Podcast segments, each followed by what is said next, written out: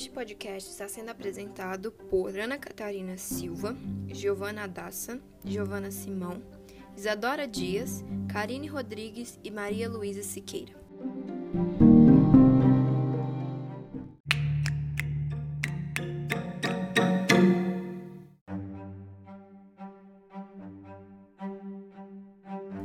Bom dia, boa tarde ou boa noite, dependendo do horário em que você vai estar ouvindo isso. O tema deste podcast é um assunto sempre em pauta por estar fortemente presente na nossa sociedade. Desde os primórdios, ele sempre esteve aí, mesmo que você talvez não o sinta. Entretanto, no último mês ganhou ainda mais destaque com o caso do americano George Floyd, brutalmente hostilizado e tratado pela polícia, o que acabou culminando em sua morte. Houveram casos semelhantes aqui no Brasil e que infelizmente não ganharam tanto destaque. Quando isso ocorreu, as pessoas foram às ruas protestarem e subiram uma hashtag nos Trending Topics do Twitter, a Black Lives Matter, que numa tradução pode ser dita como Vidas Pretas Importam. Caso ainda não tenha ficado claro, o tema deste podcast é o racismo. O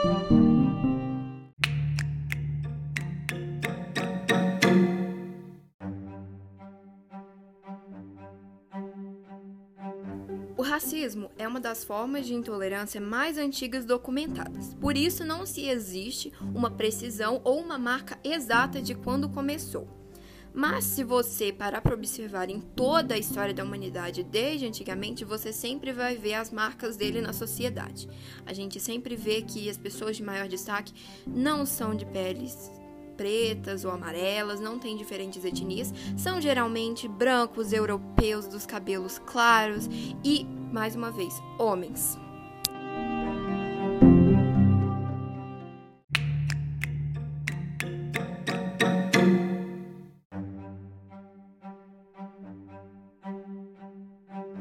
Ocorre em todo lugar e em toda parte, mesmo que você talvez não o sinta e não o veja diretamente e explicitamente.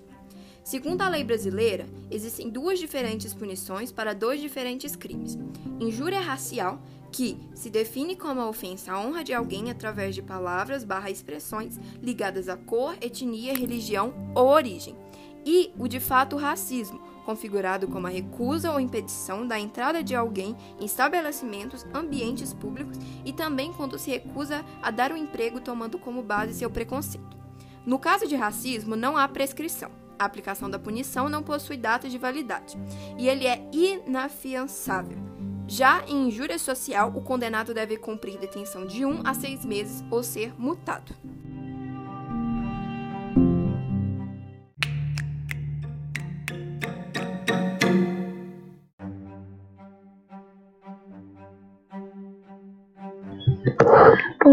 Meu nome é Isadora e eu vou falar sobre como reagir ao racismo. Caso você seja vítima do racismo ou você presencie alguma cena de racismo, o mais certo é você anotar o endereço do local ocorrido, o nome do autor, o nome de testemunhas e números de documento e se dirigir à delegacia de polícia mais próxima para fazer um boletim de ocorrência. A gente não pode esquecer que racismo é um crime e a gente não pode se manter passivo diante de uma violência.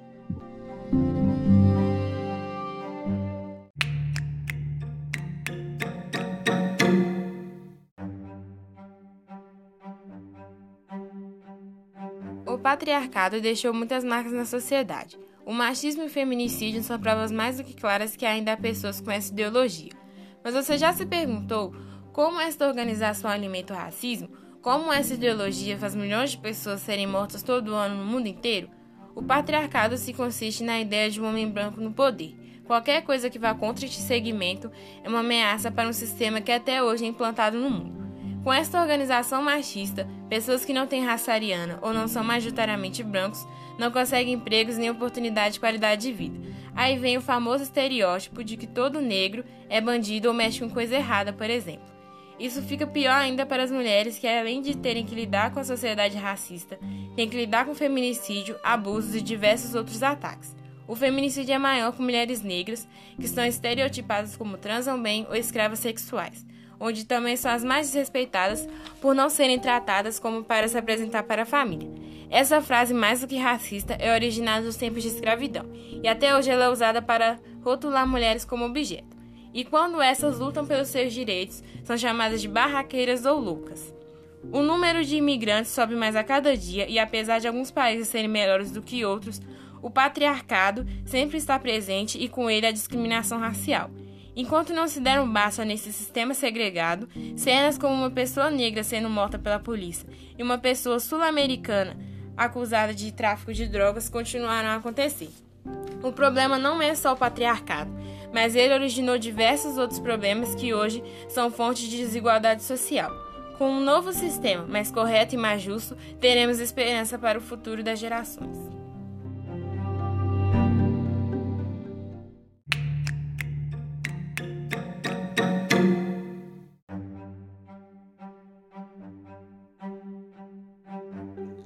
Olá, eu me chamo Ana e hoje vou falar sobre a comunidade e as mulheres no espectro racial.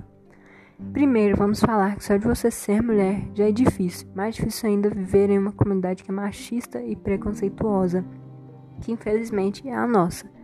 Mas quando se é mulher, negra, parda, amarela ou indígena, fica ainda mais difícil. Perdemos nossos empregos não por causa da falta de capacidade ou escolaridade, mas por causa da nossa cor. A gente vive numa, numa sociedade que sabe que existe racismo, mas ninguém acha que é racista. Por exemplo, mesmo em um país que a maioria é de negros e mulheres, como o Brasil, as mulheres negras permanecem sendo as mais exploradas.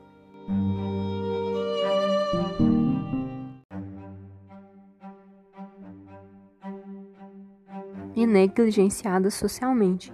Isso pode ser constatado no mercado de trabalho, no mapa da violência ou na representatividade política e são essas mulheres que mais sofrem que, e que vão à luta pela igualdade na, na comunidade que vivem.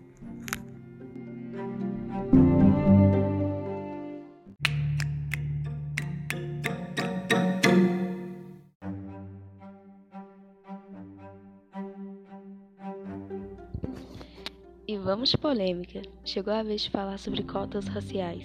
A cota racial é uma ação governamental feita para diminuir as diferenças econômicas, sociais e educacionais entre pessoas de diferentes etnias raciais. Serão muito utilizadas no setor estudantil. De forma geral, as cotas raciais são uma forma de diminuir a desigualdade num sistema que dá privilégios para um grupo racial e desconsidera os outros. Para você, para você ver de forma concreta e clara a importância das cotas, te dou um dado. Negros e pardos, pardos representam 53,6% de toda a população brasileira. E mesmo sendo a maioria, está numa minoria de espaços considerados importantes como chefias de empresas e outros cargos relevantes socialmente. Apenas 12% da população preta e 13% da população parda tem ensino superior. Entre os brancos, esse número é de 31%. Se não tivesse as cotas raciais, esses números seriam muito mais baixos. Tá, Karine, esse, mas esse negócio de cotas realmente funciona? Para te mostrar que sim, aí vai outro dado.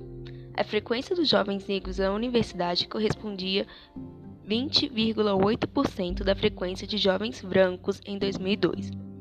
No entanto, passou a corresponder 38,9% em 2009. Eu sei, esse dado não é tão recente, Porém, o sistema de cotas só foi implantado oficialmente no Brasil em 2012, quando foi feita a Lei de Cotas.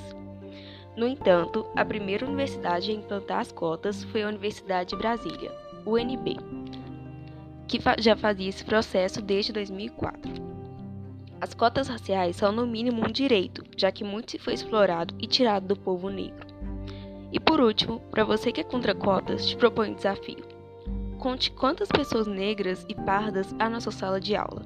A maioria é negra? Por quê? Será que todas as pessoas realmente conseguiriam estar aqui sem o auxílio de cotas? As cotas são, no mínimo, um direito de tudo que foi nos tirado. Se você é contra cotas, repense seus privilégios.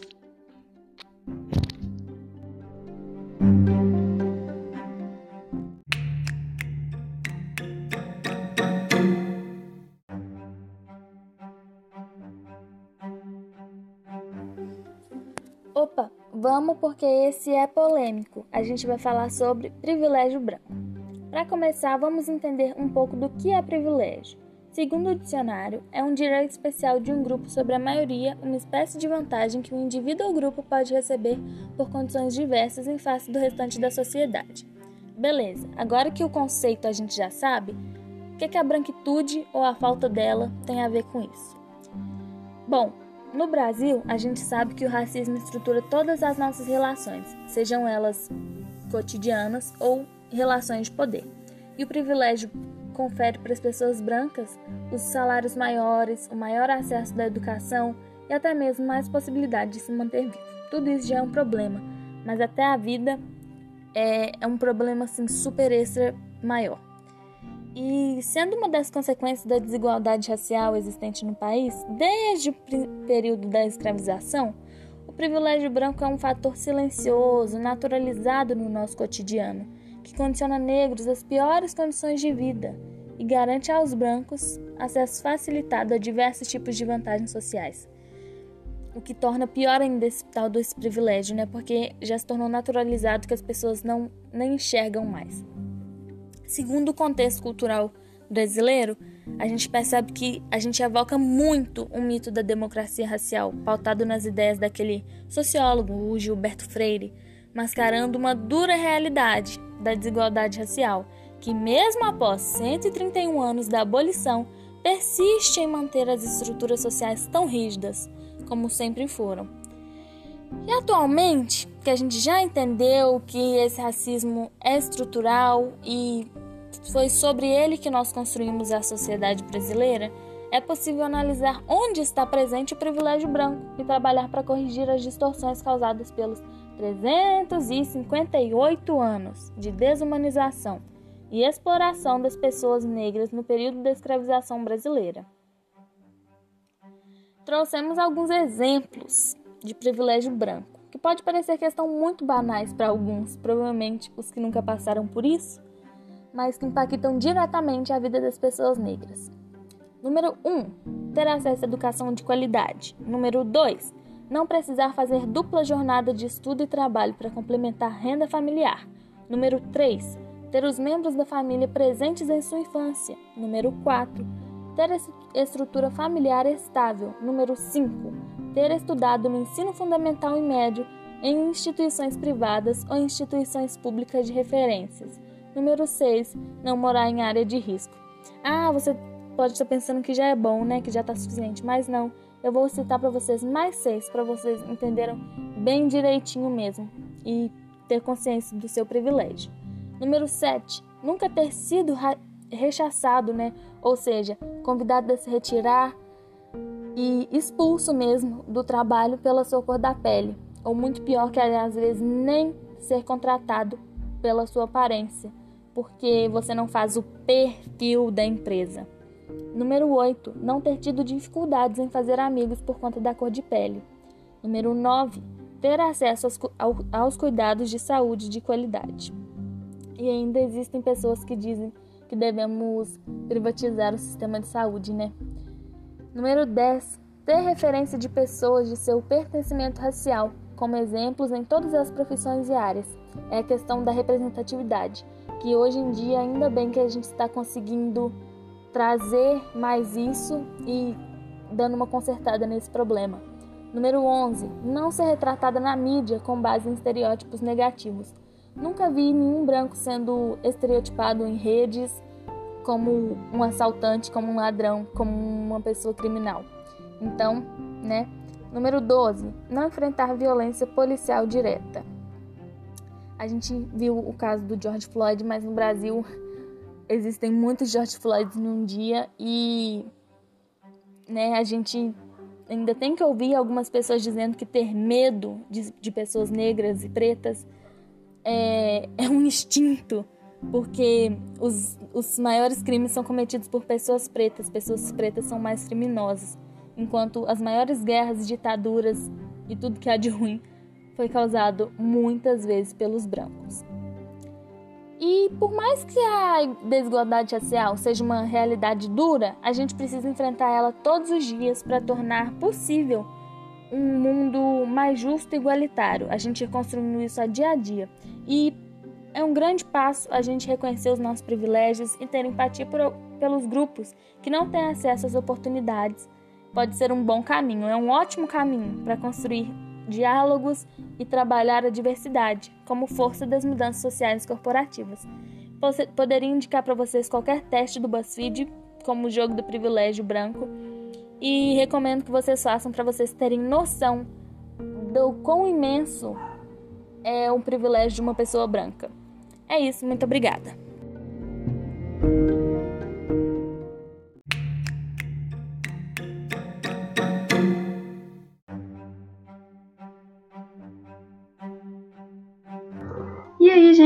Sou eu de novo.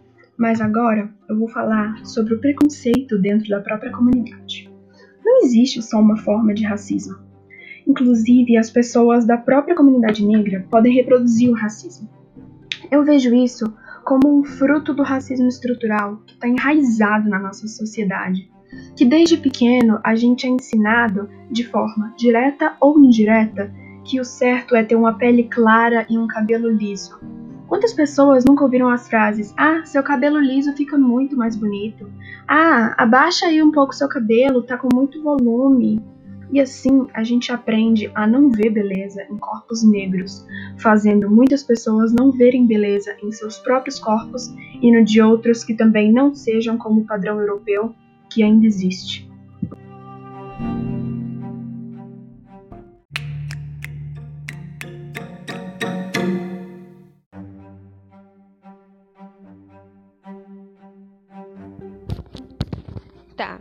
Agora vamos falar sobre dados, mas especificamente de números.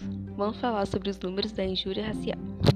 Como já foi explicado o que é injúria racial e a diferença entre o racismo, vamos logo para os dados, né? Em 2018, os casos de injúria racial e racismo notificados em São Paulo aumentaram 29% entre janeiro e maio daquele ano. Esse número representa 195 denúncias contra 151 denúncias feitas no ano passado. Já em Santa Catarina, a injúria racial cresceu, cresceu 64% no ano de 2019, em relação ao ano anterior. De 1.086 ocorrências registradas em 2018, passaram para 1.787 notificadas no ano seguinte. Já no nosso país, de forma geral, os casos desse crime também tiveram aumento. Em 2018, houve aumento de 20%, que passou de 6.195 casos de 2017 para 7.616 casos em 2018. Os dados apresentados foram retirados da Secretaria de Segurança Pública e do Anuário Brasileiro de Segurança Pública.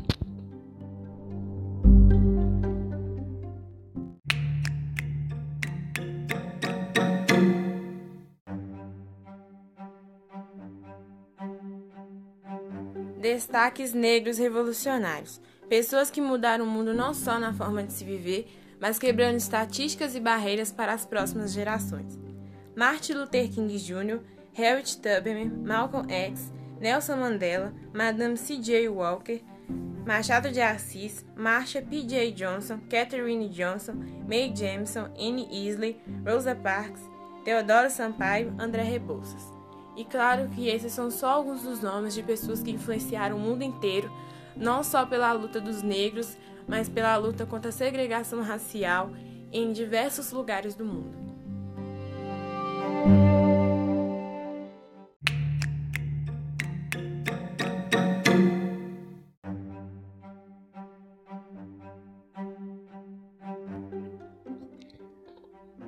Gente, aqui é a Karine e vamos falar um pouquinho sobre filmes e séries? Então, para quem gosta de filmes e séries e quer entender ainda um pouco mais sobre racismo e ver personagens empoderados, esse tópico é para você. Eu separei dois filmes e duas séries que retratam racismo de diversas formas. O primeiro é O Ódio que Você Semeia. Disponível no Telecine, essa, essa obra cinematográfica retrata a vida de Star uma jovem negra e moradora de um bairro pobre, que após ser a única testemunha de um assassinato injusto de seu amigo, também negro, por um policial branco, tem que decidir entre se calar sobre ameaças ou se levantar e lutar contra o abuso da polícia branca. O filme foi inspirado em um livro e traz muitas reflexões sobre a diferença de tratamento que as pessoas sofrem apenas pela cor da sua pele, além de nos fazer uma reflexão. A justiça é realmente cega? O segundo filme é Estrelas Além do Tempo. Esse filme, para falar a verdade, é bem comentado, mas merece mais treinamento. Ele nos traz ao contexto da Guerra Fria, mais especificamente na NASA, onde profissionais correm contra o tempo para levar o homem à Lua. E aí nossos protagonistas se encontram. Três mulheres negras trabalham em uma sala separada, junto com outras mulheres também negras que trabalham como calculadoras humanas, fazendo cálculos longos, mas separadamente dos homens brancos. Têm, elas têm que enfrentar todos os dias o racismo na cidade e no próprio trabalho. No entanto, as três traçarão suas histórias e provarão que o racismo não as impedirá de brilhar. O filme pode ser alugado no YouTube. A série da Netflix traz uma proposta interessante sobre empoderamento negro. Cada gente branca tem como protagonistas de uma, de uma universidade que questionam os padrões sociais e raciais em uma universidade majoritariamente branca. A série foi baseada em um filme de mesmo nome, lançado em 2014. A humanização e a diversidade de personagens nas mais diferentes formas faz com que essa série mereça sua atenção. Pluralidade negra é o que define essa série. Atlanta, também disponível na Netflix, é uma comédia dramática, que mostra que, mesmo tendo ambições simples, uma pessoa negra tem que passar por diversos obstáculos para alcançar seus objetivos. O racismo e o drama em geral se apresentam de maneira natural, tendo muitas partes de comédia, criando uma crítica social sutil. A série protagonizada por Donald Gruber, famoso pela música This is America, mostra também a jornada do personagem ao tentar ser famoso fazendo rap, na indústria que é majoritariamente branca.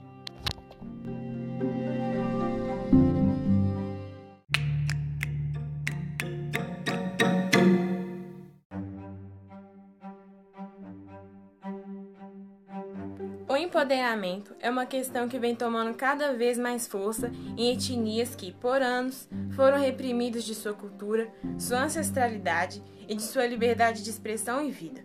O empoderamento é importante para que as pessoas tomem consciência de que elas são muito mais do que um estereótipo e que elas podem sim quebrar estatísticas. São muito mais do que números. O empoderamento é uma forma de luta, de resistência, uma homenagem a todos que morreram em prol da luta contra o racismo.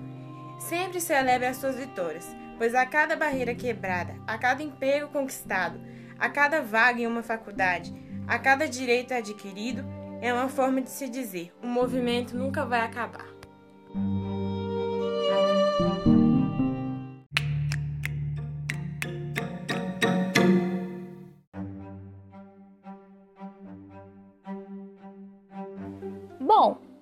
Para finalizar com aquela chave de ouro, eu vou deixar para vocês aqui como constante fonte de pesquisa algumas contas no Instagram em que falam muito sobre racismo, que falam muito sobre representatividade e que são pessoas que fazem parte da comunidade negra.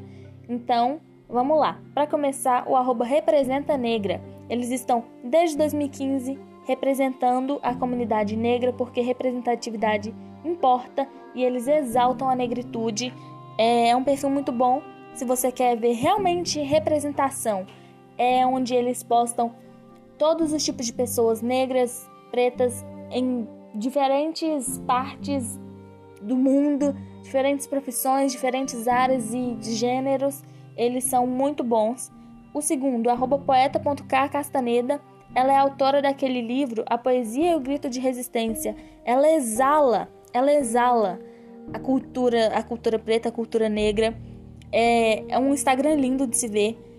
Agora, alguns famosos, a Djamila Ribeiro, que o arroba dela é arroba Djamila Ribeiro 1, o arroba Yuri Marcal, que é o Yuri Marçal, ele é humorista, trabalha com stand-up e comédia.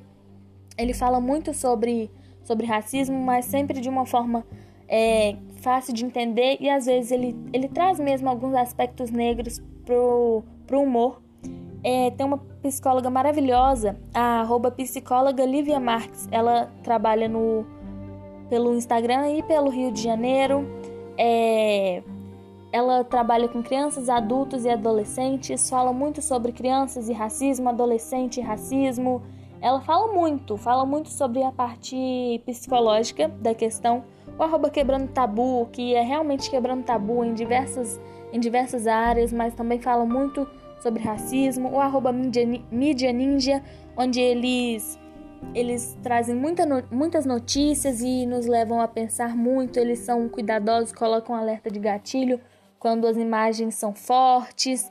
A família Quilombo, arroba família Quilombo, é, me deu algumas, algumas sugestões também. Eles são super prestativos, é uma família formada pela Adriana, pelo Jonas, pelo A15 e pela, pela Dandara. Eles são muito bons, eles estão estudando constantemente, nos passando constantemente. É muito legal acompanhar a rotina deles. A arroba Criando Crianças Pretas, por, pela Dé Bastos. Ela é muito boa. Fala sobre racismo estrutural, como não criar crianças racistas, como proteger as crianças do racismo. E a Preta e Acadêmica é muito boa. O arroba dela é esse, arroba Preta e Acadêmica. Ela sempre vem desvendando e buscando pesquisas que foram feitas por pessoas negras, pesquisadores pretos. É muito, é muito bom, assim, traz realmente uma paz no coração e ela sempre busca influenciar as pessoas a, estudar mais. É, e assim, algumas outras sugestões são o AD Júnior, o Roger Cipó, a Luana Genô, Gabi Oliveira, PH Cortez. Assim, são muitos perfis. E é só dar um Google assim.